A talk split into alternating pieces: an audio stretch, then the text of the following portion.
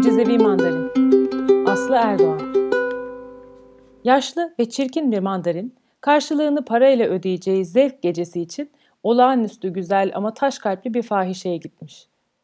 Sabaha karşı yaşlı adamın uykuya dalmasını fırsat bilen genç kadın, soyguncu dostlarını çağırmış. Ne var ki mandarin tilki uykusundan fırladığı gibi olanca gücüyle karşı koymaya, dövüşmeye başlamış. Haydutlar hem kalabalık hem de işinin ehliymiş. Onu kolayca köşeye sıkıştırmışlar.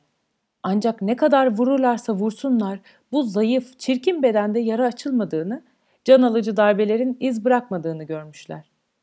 Bıçaklarını, kılıçlarını çekmişler ama en keskin bıçak, en acımasız kılıç bile mandarine hiçbir şey yapamıyormuş. Sonunda korkup kaçmışlar. Dövüşü izleyen kadın yaşlı adamın mucizevi gücünden etkilenmiş, bir kez daha bu sefer aşk adına sevişmek istemiş. Onu hayranlıkla, arzuyla, şefkatle okşamaya başlamış.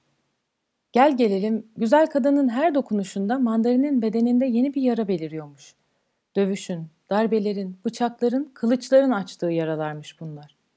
İçten bir ilgi ve şefkat görene dek gizli kalmışlar. Sonunda mandarin kanlar içinde kadının kollarına yığılmış, ölmüş.